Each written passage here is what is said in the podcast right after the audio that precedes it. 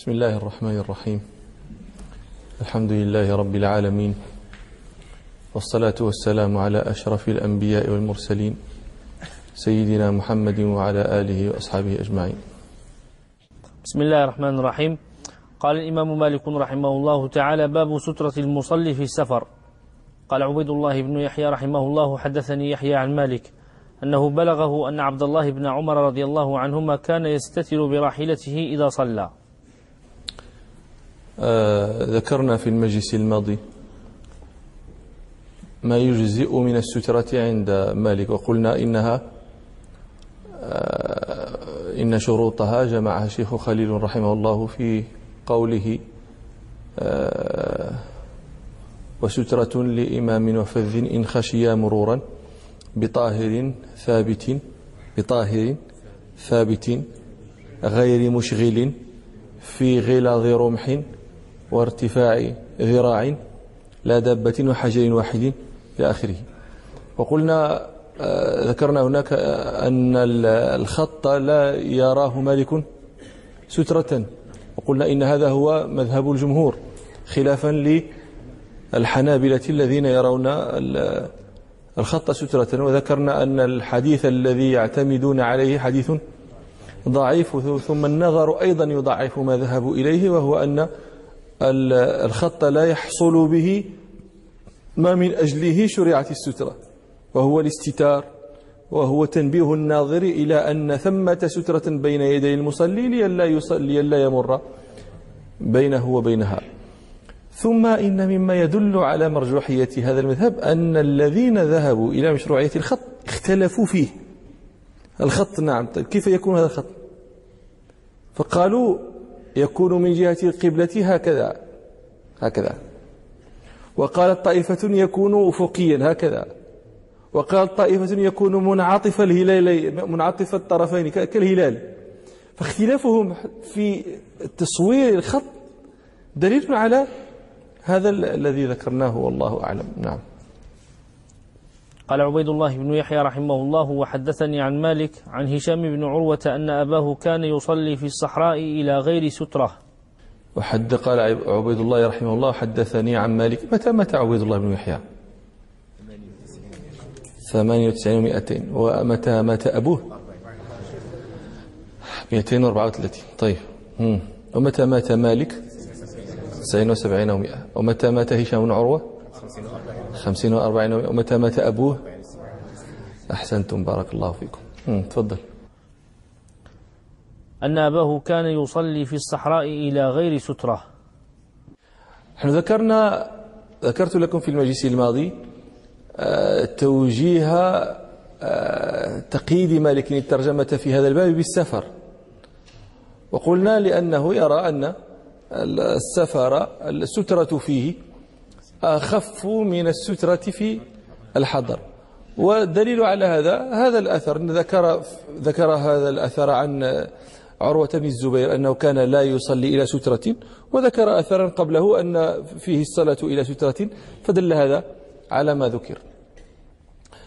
وقوله هنا إن عروة بن الزبير كان يصلي في الصحراء إلى غير سترة قالوا لأن السترة لأي شيء شرعت. لتستر المصلي مما عساه أن يمر بين يديه. فإن كان المصلي في موضع يأمان فيه أن يمر بين يديه أحد في الصحراء فحينئذ لا حرج عليه في ترك السترة. وقالوا لأن الأصل في السترة أنها مستحبة غير واجبة. وهذا مذهب المالكية في المشهور عنهم. وقال ابن حبيب من المالكية شأن المصلي أن يصلي إلى سترة. كان في حضر أو كان في سفر آمن أن يمر بين يديه أحد أو لم يأمن ذلك. شأنه أن يصلي إلى سترة. لكن الذي ذكرنا من من اولا هو المشهور في المذهب وأن الستره مستحبه وهذا الذي ذهب إليه المالكية في المشهور هو قول الأئمة الأربعة. أن السترة مستحبة ليست واجبة. وسنذكر حججهم. وذهب طائفة من العلماء إلى أن سترة واجبة. وأن المصلي يجب عليه أن يستتر. وإن صلى في فضاء وإن صلى في صحراء وإن صلى في بيته يجب عليه أن يستتر. واستدلوا بما روى الإمام أحمد بما روى ابن حبان وابن خزيمة عن ابن عمر رضي الله عنهما أن رسول الله صلى الله عليه وسلم قال لا تصلي إلا إلى سترة.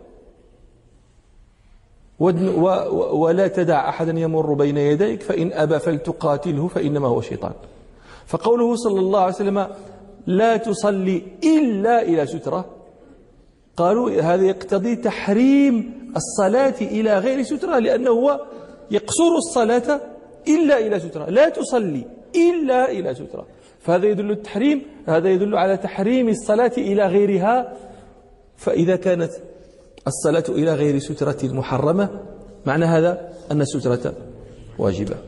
واستدلوا أيضا بما روى أبو داود عن أبي سعيد الخدري رضي الله عنه أن رسول الله صلى الله عليه وسلم قال إذا صلى أحدكم فليصلي إلى سترة وليدن منها.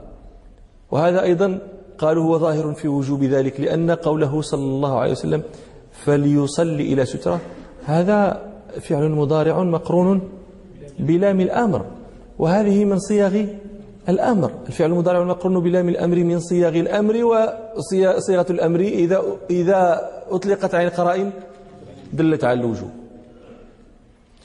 واستدلوا أيضا بما رواه آه، ابن الإمام أحمد بن خزيمة والحاكم عن ابن معبد الجهني رضي الله عنه أن رسول الله صلى الله عليه وسلم قال استتروا في صلاتكم ولو بسهم. وهذا أيضا ظاهر على ما ذكروا. واستدلوا بما رواه الشيخان عن أنس رضي الله عنه قال كنا بالمدينة إذا أذن المؤذن بصلاة المغرب ابتدروا السواري يركعون ركعتين ركعتين. حتى إن الرجل الغريب لا يدخل المسجد فيحسب أن الصلاة قد صليت من كثرة من يصليهما. من كثرة من يصلي تينك الركعتين موضع الشاهد فيه أنهم كانوا يبتدرون السواري فيستترون بها. واستدلوا أيضا بما روى ابن أبي شيبة عن نافع قال كان ابن عمر إذا لم يجد سبيلا إلى سارية من السواري قال ولني ظهرك فيصلي إلى ظهر نافع. وهذه الأدلة هي ظاهرة في الوجوب. ولا سيما منها الأحاديث الثلاثة المرفوعة التي ذكرنا. ولكن الجمهور لم يحملوا هذه الأحاديث على الوجوب وإنما حملوها على تأكد الاستحباب لا على الوجوب. وصرفها عندهم عن الوجوب أنهم رأوا رسول الله صلى الله عليه وسلم صلى في مواضع إلى غير سترة. فليجمعوا بين كل ما ورد عن النبي صلى الله عليه وسلم قالوا السترة مستحبة غير واجبة. وما ورد في الأمر من الأحاديث فهو محمول على على الاستحباب أو على تأكد الاستحباب. ومن القرائن التي صرفت هذا الأمر عن الاستحباب ما رواه الإمام أحمد وأبو يعلى عن ابن عباس رضي الله عنهما قال صلى النبي صلى الله عليه وسلم في فضاء ليس بين يديه شيء.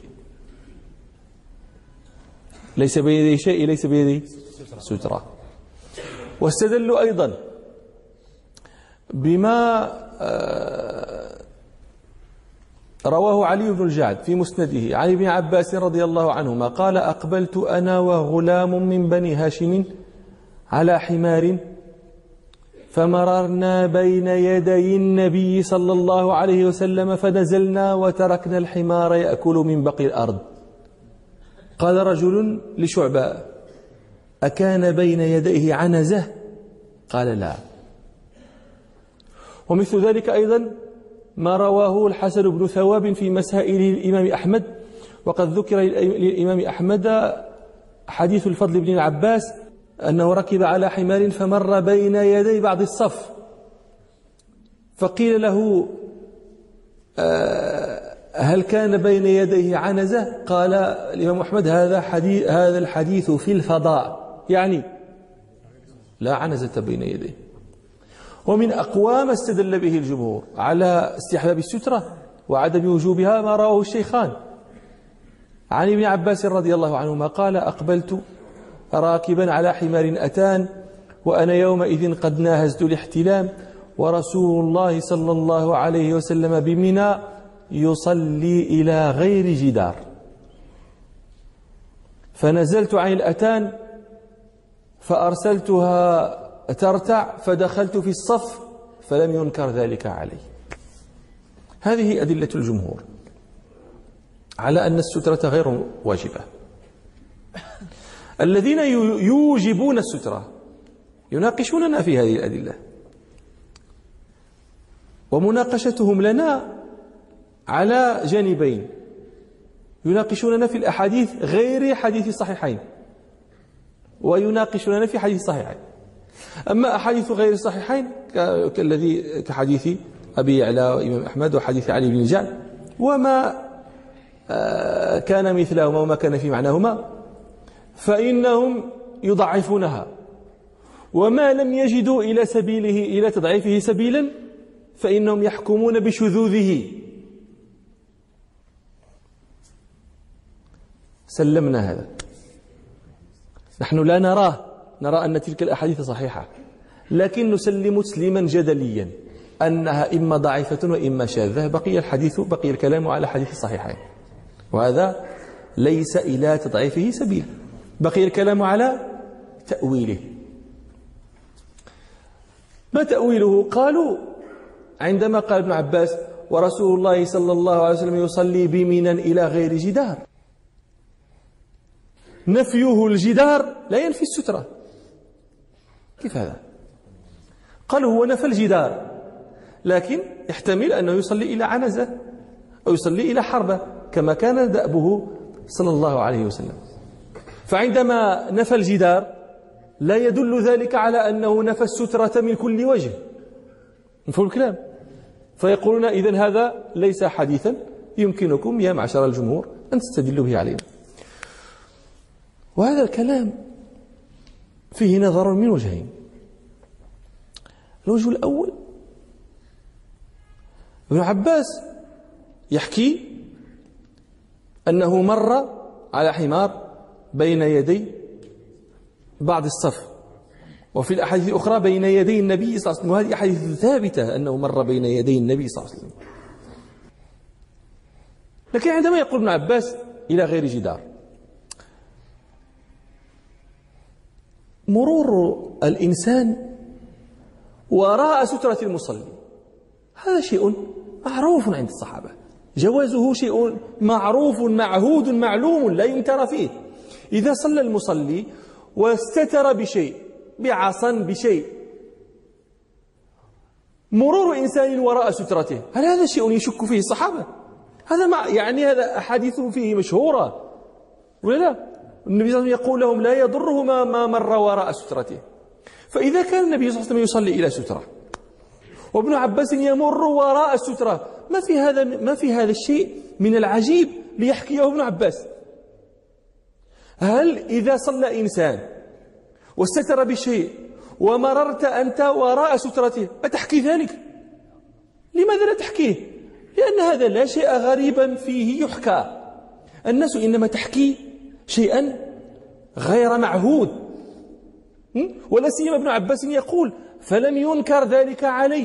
ما الذي سينكر عليك إذا فعلت ما يفعله الناس؟ واش فهمت كلام؟ فهذه القضية هذا الوجه الأول. يفهم من من حكاية ابن عباس لهذا أن النبي صلى الله عليه وسلم لم يكن يصلي إلى سترة لأنه لو كان يصلي إلى سترة لم يكن في ذلك الأمر شيء عجيب يستدعي الحكاية. واضح كلام. هذا الوجه الأول. الوجه الثاني في خصوص قوله إلى غير جدار. والنبي صلى الله عليه وسلم بمنى يصلي إلى غير جدار. لو كانت هناك سترة لماذا يقول ابن عباس إلى غير جدار؟ ما فائدة ذلك؟ لأي شيء ابن عباس يقول إلى غير جدار؟ لأي شيء. ما سبب هذا؟ إذا إذا نفى ابن عباس الجدار وهناك الحرب أو العنزة مركوزة بين يدي النبي صلى الله عليه وسلم. لأي ما فائدة قوله إلى غير جدار؟ أتبقى له فائدة؟ لا فائدة له أصلا يكون كلاما لغوا. والنبي صلى الله عليه وسلم بنا يصلي إلى غير جدار. والحال أن السترة بين يديه فلماذا تخبرنا إلى غير جدار؟ ما فائدة ذلك؟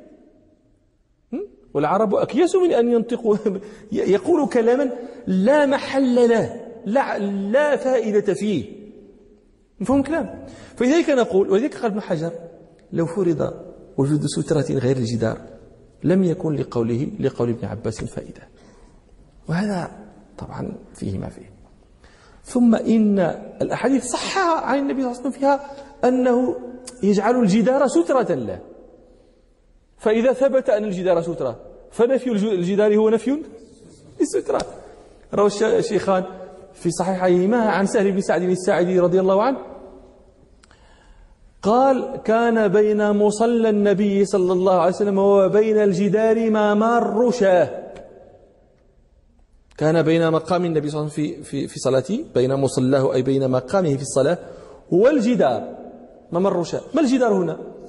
هو السترة هو السترة فإذا أثبت هنا أن الجدار هو السترة إذا نفي هناك الجدار فقد نفيت. ولذلك قال الإمام الشافعي في هذا الحديث إلى غير جدار أي إلى غير سترة. ولهذا نقول إنه للجمع بين هذه الأحاديث وما ذكر وما ذكر في في في مذهب الطائفة الأولى لا مناص من القول بأن السترة مستحبة غير واجبة. وهذا الأظهر وهو مذهب المالكية والجمهور. لكن مع ذلك نقول إنه إذا علمنا أن السترة غير واجبة فهذا لا يعني أن المأموم والمنفرد يتركانها ولا يأبهان بها فإن السترة أمر أمرها كله خير. ولكن ينبغي وضع هذا الحكم في موضعه. والله أعلم. نعم. قال الإمام مالك رحمه الله تعالى باب مسح الحصباء في الصلاة. قال الإمام مالك رحمه الله باب مسح الحصباء في الصلاة. ما هي الحصباء؟ الحصباء هي الحصى الصغيرة. مفردها حصبة. حصبة تجمع على حصباء والفعل منها حصبه. حصبه إذا رماه بالحصبة إذا رماه بالحصى. وما معنى هذه الترجمة؟ قد لا تدركونها تحتاج شيئا من التفسير. باب مسح الحصباء في الصلاة. ما أين هي هذه الحصباء التي تمسح في الصلاة؟ ها؟ ولكن ما ك... ال... ال... في الزمن الأول المساجد لم يكن فيها هذه الحصور ولم يكن فيها هذه الزرابي وهذه الفروش إنما كانوا يفرشونها بالحصباء. فراشها الحصباء يفرشونها بالحصى. فربما يطرأ ويقع على تلك الحصى يجتمع عليها تراب يجتمع عليها غبار.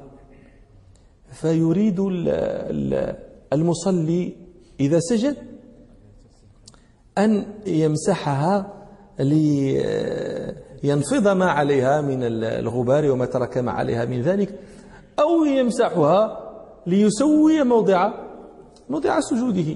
نعم. فهذا الأصل في كونها آه، موجودة. تفهمون لماذا تمسح الحصباء؟ ما شأن الحصباء في المسجد؟ هذا فراش المساجد في ذلك الزمن. وقال النووي اتفق العلماء على أن مسح الحصباء في الصلاة مكروه. لماذا؟ قال لأنه لماذا يمسح الحصباء؟ ليزيل عنها ما عليها من الغبار والتراب. قالوا هذا ينافي التواضع لله والتذلل لله. كأن هذا المصلي لا يسجد إلا على الموضع الموطأ الممهد النظيف الذي لا غبار عليه. إذا كان فيه شيء لا يسجد عليه حتى يزيل ما عليه. والتواضع لله يقتضي أن لا يأنف الإنسان أن يضع جبهته في تراب لربه ولا يضعها لغير ربه في التراب. إنما يعفر وجهه التراب وهذا وضع الرأس أو وضع الوجه أو وضع الخد وتعفيره بالتراب. هذا من علامة التواضع المشهورة المعروفة المتوارثة عند الناس. روى الشيخان في صحيحيهما عن أبي ذر رضي الله عنه. قال سببت رجلا فعيرته بأمه فشكاني إلى النبي صلى الله عليه وسلم. في رواية أخرى في صحيحين أن أمه كانت أعجمية فعيره بها. قال فشكاني إلى النبي صلى الله عليه وسلم. فقال لي يا أبا ذر أعيرته بأمه؟ إنك امرؤ فيك جاهلية. إخوانكم خولكم. جعلهم الله تحت أيديكم. فمن, جع فمن كان أخوه تحت يده فليطعمه مما يأكل وليلبسه مما يلبس ولا تكلفوهم ما يغلبهم فإن كلفتموهم فأعينوهم. قيل قال بعض الشراح هذا المعير المسبوب الذي سبه أبو ذر كان بلالا. وبلال أمه أعجمية سبه بها. ويذكرون أنه لما قال له النبي صلى الله عليه وسلم قال وضع أبو ذر خده على الأرض. وقال لا أرفعه حتى يطأ بلال خدي بقدمه. يعني هذه النفس تذلل التواضع. خده على الأرض. روى ابن عساكر وابو نعيم وغيرهما. عن ابن عمر رضي الله عنهما لما حضر قال قال كان رأس عمر في على فخذي في مرضه الذي مات فيه. فقال لي ضع رأسي على الأرض. لماذا؟ يتذلل لله أن يرحمه في أواخر ساعته في الدنيا. قال له ضع رأسي على الأرض. فقال ابن عمر فقلت له وما عليك؟ أن يكون فوق فخذي أو يكون على الأرض. فقال عمر ضعه على الأرض لا أم لك. قال فوضعته على الأرض. فقال عمر ويلي وويل أمي إن لم يرحمني ربي. لكن هذا الذي قاله النووي رحمه الله أن العلماء متفقون على أن ذلك مكروه. الحق أنه لا اتفاق على ما ذكره النووي بل المالكية كما سترون يجيزون مسح الحصباء مرة واحدة. ولا يجيزون فوق ذلك. والظاهرية يحرمون فوق المرة وليس يكرهونه فقط. فإذا ما نقله النووي رحمه الله باتفاق يعني يخالفه ما, ما ذكره العلماء. نعم. قال عبيد الله بن يحيى رحمه الله حدثني يحيى عن مالك عن أبي جعفر القاري أنه قال رأيت عبد الله بن عمر رضي الله عنهما إذا أهوى ليسجد مسح الحصباء لموضع جبهته مسحا خفيفا. آه القاري هكذا بالياء المهملة طيب يمكنكم أن تقولوا القاري ويمكنكم أن تقولوا القارئ ولا يمكنكم أن تقولوا القاري بتشديد الياء. لأنكم إذا قلتم القاري نسبتموه إلى القارة. القارة قبيلة من قبائل العرب. قد ذكرنا أن العرب تقول في المثل قد أنصف القارة من رماها. القاري أو القارئ من إيش؟ من القراءة. وقد تسهلون فتحذفون الهمزة وتقولون القاري. وهي لهجة من لهجات العرب وما زال بعض العلماء عندنا يعني بعض المتكلمين هنا عندنا في المغرب ينطقون بها. لا ينطقون الهمزة إذا كانت متأخرة فيقول الاسماء يقول الماء عندما يتكلمون عربية فصيحة وهي لهجة من لهجات العرب. وأبو جعفر القارئ أو القارئ هو يزيد بن القعقاع. الإمام أحد أئمة القراءة أحد أئمة أحد الأئمة العشرة. القراء العشر هم نافع المدني وعبد الله بن كثير المكي وأبو عمرو بن العلاء البصري وعبد الله بن عامر الشامي وعاصم وحمزة والكسائي الكوفيون وأبو جعفر المدني ويعقوب الحضرمي وخلف العاشر هؤلاء هم القراء العشرة. أبو جعفر بن القعقاع هذا يزيد بن القعقاع رحمه الله كان من أئمة القراءة وقرأ أخذ القراءة عن مولاه عبد الله بن عياش بن أبي ربيعة المخزومي. هو مولاه وهو شيخه في القراءة. ويقال إنه قرأ أيضا على أبي هريرة وابن عباس وهما قرأ على أبي بن كعب وأبي بن كعب قرأ على رسول الله صلى الله عليه وسلم. وصلى بابن عمر لتعلموا أنه كان من جلة أهل المدينة حتى يصلي ابن عمر خلفه. و آه، مكث يقرئ دهرا طويلا حتى صار حتى غلب عليه لقب القارئ. القارئ ماذا؟ كيف نسمي إحنا القارئ في المغرب؟ طالب. في المدينة كم فيها من القراءة؟ المدينة كم فيها من القراءة؟ كأنك تقول الرباط كم فيها من الطلبة؟ سلا كم فيها من الطلبة؟ الشاوية ولا دكالة كم فيها من الطلبة؟ واحد. كثير. فكان إذا قيل في المدينة القارئ لا ينصرف إلا إلى أبي جعفر.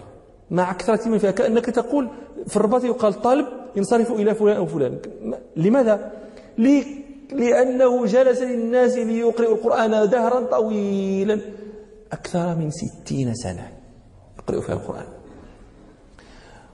وكان قالوا كان كان يصلي الليل فإذا طلع النهار جلس يقرئ فيغلبه النوم.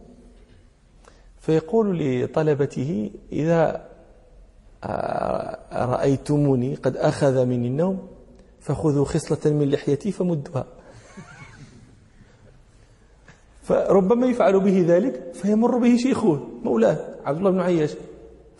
فلا يعجبه ما يرى ولا يسره ما يرى. فيؤنب تلميذه الشيخ يقول له يا شيخ قد ذهبت بك الغفلة. فأبو جعفر لا يريد معصية شيخه ولا يريد أن يقوم لينام. فيقول للطلبة لتلاميذه اذهبوا بنا خلف هذا القبر. يعني قبر النبي صلى الله عليه وسلم لئلا يرانا. عبد الله بن عياش إذا مر مرة أخرى لئلا يرانا. ولكن الحياة جروها وجاءه مرة إنسان فقال, فقال له هنيئا لك القرآن الذي آتاك الله. فقال له أبو جعفر ذاك إذا حل أحللت حلاله وحرمت حرامه وعملت بما فيه. حينئذ هنيئا لي ولما مات رحمه الله قال زوج ابنته لمن حضره. أتريدون أن أريكم منه عجبا؟ قالوا نعم. فكشف عن صدره فإذا دارة بيضاء كاللبن هكذا على صدره. فلم يشك أحد أنه نور القرآن. ومات رحمه الله سنة سبعين وعشرين وقيل سنة ثمانين وعشرين وقيل سنة تسعين وعشرين وقيل سنة إحدى وثلاثين وقيل سنة اثنتين وثلاثين والله أعلم.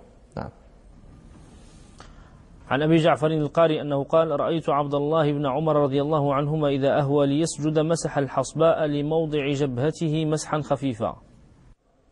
قال أبو جعفر رحمه الله رأيت عبد الله بن عمر إذا أهوى ليسجد مسح موضع جبهته من الحصباء مسحا خفيفا. هذا المصلي إذا كان سيصلي طبعا هذه الآن مساجدنا هذه لا حصباء فيها. إنما هي هذا السجاد وهذه الأمور فلا يحتاج هذا الذي ذكر. لكن قد آه، تلجئه الحاجات أن يصلي في بادية في صحراء في في آه، صعيد. ليس ليس فيه شيء من الفرش ويكون فيه حصى وتكون فيه حصباء فإذا أراد أن آه، ينفضها أو أراد أن يسويها لأنها قد تكون متفاوتة يركب بعضها بعضا. فإذا أراد أن يسويها فليفعل ذلك قبل الشروع في الصلاة. لئلا يشغله شاغل في الصلاة. لكن أحيانا قد لا يذكر قد ينسى قد قد أمور. فيحتاج أن يفعل ذلك في الصلاة.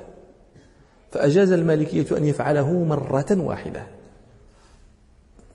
وعلى هذا يحمل فعل ابن عمر مسحا خفيفا.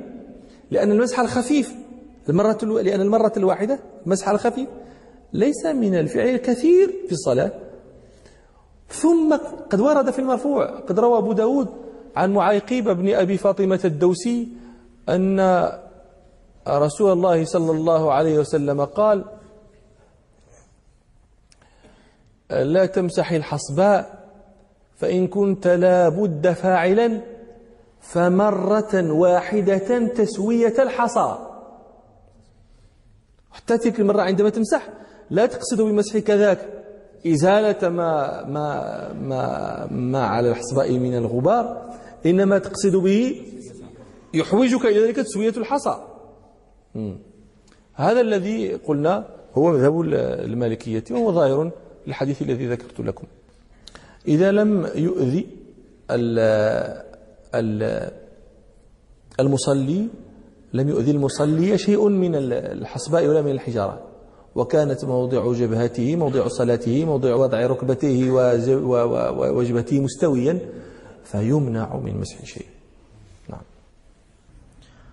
قال عبيد الله بن يحيى رحمه الله وحدثني عن مالك عن يحيى بن سعيد أنه بلغه أن أبا ذر رضي الله عنه كان يقول مسح الحصباء مسحة واحدة وتركها خير من حمر النعم. قال عبيد الله رحمه الله حدثني عن مالك عن يحيى بن سعيد الأنصاري القاضي متوفى سنة توفى سنة ثلاث وأربعين ومئة. أنه بلغه أن أبا ذر الغفاري رحمه رضي الله عنه قال مسح الحصباء مسحة واحدة.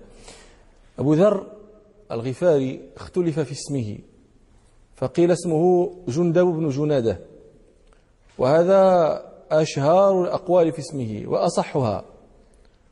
وقيل اسمه برير وقيل اسمه برير وقيل غير ذلك واختلفوا في اسم أبيه أيضا.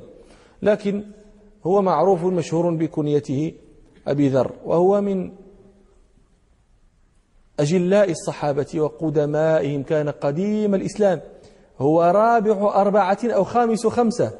معناه قديم الإسلام جدا.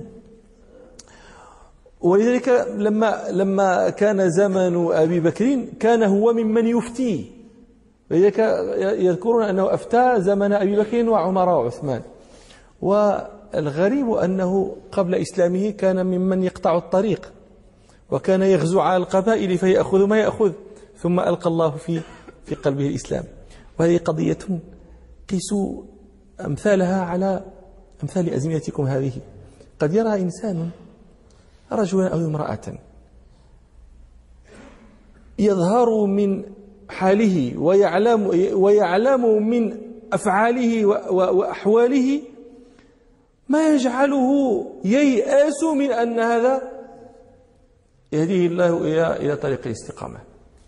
فإذا به في يوم من الأيام آه، تجده قد من الله عليه بالهداية. فلا ينبغي أن ييأس الإنسان من مسلم. هذا هو فألقى الله في قلبه الإسلام وقصة إسلامه مذكورة في الصحيحين وفي غيرهما. روى مسلم عن عبد الله بن الصامت قال آه، أن أبا ذر حدثهم بقصة إسلامه فقال خرجنا من قومنا غفار. وكانوا يحلون الشهر الحرام. فخرجت أنا وأخي أنيس وأمنا فنزلنا على خال لنا فأكرمنا خالنا وأحسن إلينا. فحسدنا قومه. فقالوا له إنك إذا خرجت عن أهلك خالف إليهم أنيس. يستفزون ويستثيرون غضبه. قال فنثى إلينا خالنا فنثى خالنا إلينا الخبر. أخبرهم بما أشيع. فقال له أبو ذر أما المعروف الذي سبق لك إلينا فقد كدرته ولا اجتماع معك فيما بعد. قال فقربنا سرمتنا يعني قربوا إبلهم فارتحلنا عليها وتغطى خالنا ثوبه يبكي ندما على ما بدر منه. قال وانطلقنا إلى مكة. وقال أبو ذر يحدث الراوي عنه هذا؟ ولقد صليت يا ابن أخي لله قبل أن ألقى رسول الله ثلاث سنين. فقال له فأين كنت توجه؟ قال كنت أتوجه حيث وجهني ربي. قال فقال لأنيس إن لي حاجة بمكة فاكفني. فانطلق أنيس قال أبو ذر فراث علي.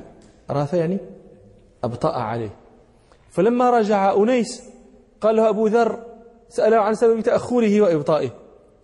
قال لقيت رجلا على دينك. يزعم أن الله أرسله. فقال أبو ذر فقلت له فماذا يقول قومه؟ قال يقولون شاعر كاهن ساحر. قال أبو ذر فقلت له فاكفني حتى أذهب فأنظر. قال فذهبت فلما دخل مكة قال تضعفت رجلا منهم. ضعفه يعني؟ استضعفه. رأى أن, أن مثل هذا يقدر عليه. قال فتضعفت لأنه خشي أن يسأل إنسانا وهو علم والآن أخبره أخوه أن قريشا يتهمون النبي صلى الله عليه وسلم بالسحر والكهانة والشعر. يعني ليسوا معه على وفاق. فإذا جاء أجنبي يسأل عن هذا المتهم بالشعر والسحر والكهانة كيف يتلقاه الناس؟ بما لا يسره. فإذا مثل في من في مثل هذه الحال؟ إنما يسأل من يتضعف حتى إذا أراد أن يصنع به شيئا قدر عليه. قال فتضعفت رجلا منهم؟ فقلت له أين هذا الذي يقال له الصابئ؟ كان من من أسلم؟ قيل له الصابئ قال أين هذا الذي؟ قال فأشار إلي وقال الصابئ الصابئ. قال فمال علي أهل الوادي؟ قاع الناس ديال مكة جاو قال مال علي أهل الوادي بكل حجر ومدار. اللي لقى شي حاجة يضربوا بها. قال حتى سقطت مغشيا علي من الضرب فقمت وأنا كالنصب الأحمر. كل دم فذهبت إلى زمزم فغسلت عني الدم. تخبت ما فاختفى هناك. قال فمكثت يا ابن أخي ثلاثين ما بين ليلة ويوم. ما لي طعام إلا زمزم. فسمنت. حتى تكسرت عكن بطني. العكن هي هذه كلكم عرفتوها. قال طبعا هو لا يجرؤ أن يبرز للناس لأنه علم ماذا يصنع به. وينتظر أن أن يرى النبي صلى الله عليه وسلم. قال في ليلة قمراء إضحيان مقمرة مضيئة ضرب الله على آه، قريش فلا يطوف أحد. هو هو مختف بين الكعبة وكسوتها. ولا يطوف أحد. وهو ينتظر. إلا امرأتين قالت سألاني إسافا ونائلا. وهو يريد طردهما. لأنه ما, ما دام إنسان فإن أتى النبي صلى الله عليه وسلم هو لا يستطيع أن يكلمه فلما رأى أنه لا يطوف أحد ولا وليس هناك إلا امرأتان أراد طردهما فكيف قال فجعلتا تطوف فأتتا عليه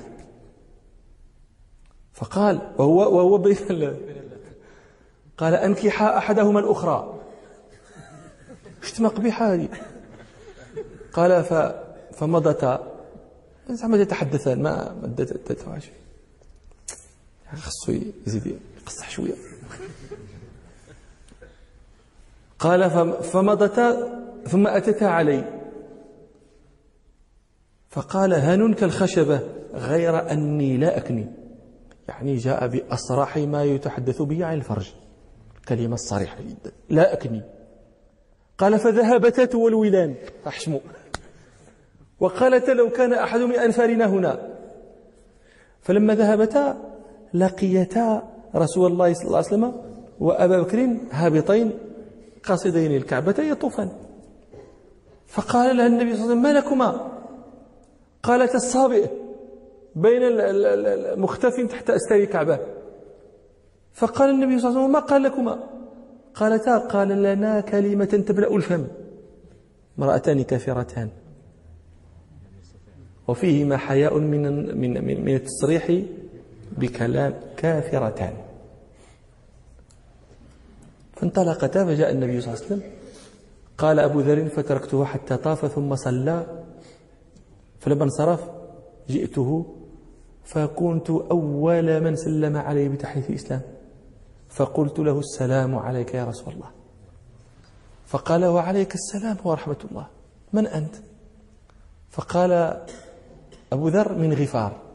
قال فوضع النبي صلى الله عليه وسلم جبهته على يد يده على جبهته. علاش؟ يعني غفار كانوا كانوا قوم يقطعون الطريق ويسرق ويسرقون الحجاج. فقال أبو ذر فقلت في نفسي كره أن انتميت إلى إلى غفار. فقال له النبي صلى الله عليه وسلم منذ متى وأنت ها هنا؟ فقال له أنا ها هنا منذ ثلاثين بين ليلة ويوم. فقال له النبي صلى الله عليه وسلم ومن كان يطعمك؟ فقال له ما كان يطعم إلا ماء زمزم. فسمنت وتكسرت حتى تكسرت عوكان بطني وما وجدت على كبدي سخفة جوع. فقال له النبي صلى الله عليه وسلم إنها مباركة إنها طعام طعم. فقال أبو ذر من غفار قال فوضع النبي صلى الله عليه وسلم جبهته على يد يده على جبهته. علاش؟ يعني غفار كانوا كانوا قوم يقطعون الطريق ويسرق ويسرقون الحجاج. فقال أبو ذر فقلت في نفسي كره أن انتبهت إلى إلى غفار. فقال له النبي صلى الله عليه وسلم منذ متى وأنت ها هنا؟ فقال له أنا ها هنا منذ ثلاثين بين ليلة ويوم. فقال له النبي صلى الله عليه وسلم ومن كان يطعمك؟ فقال له ما كان يطعم إلا ماء زمزم. فسمنت وتكسرت حتى تكسرت عوكان بطني وما وجدت على كبدي سخفة جوع. فقال له النبي صلى الله عليه وسلم إنها مباركة إنها طعام طعم. ثم ذهب به أبو بكر رضي الله عنه وأطعمه زبيبا في بيته فكان ذلك أول شيء أكله في مكة وهو ذلك الزبيب الذي أطعمه أبو بكر. ثم بعد ذلك قال له النبي صلى الله عليه وسلم إني أريد أرضا إنه رفعت لي أرض ذات نخل ولا أحسبها إلا يثرب.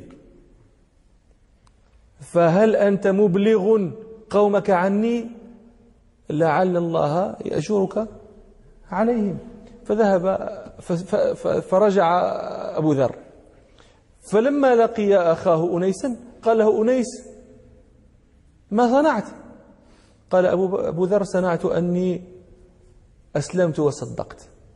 فقال له أنيس ما بي رغبة عن دينك وأنا أيضا آمنت وصدقت. ثم انطلقا إلى أمهما فقالت لهما ما بي رغبة عن دينكما وأنا أيضا آمنت وصدقت. فرجعوا إلى غفار.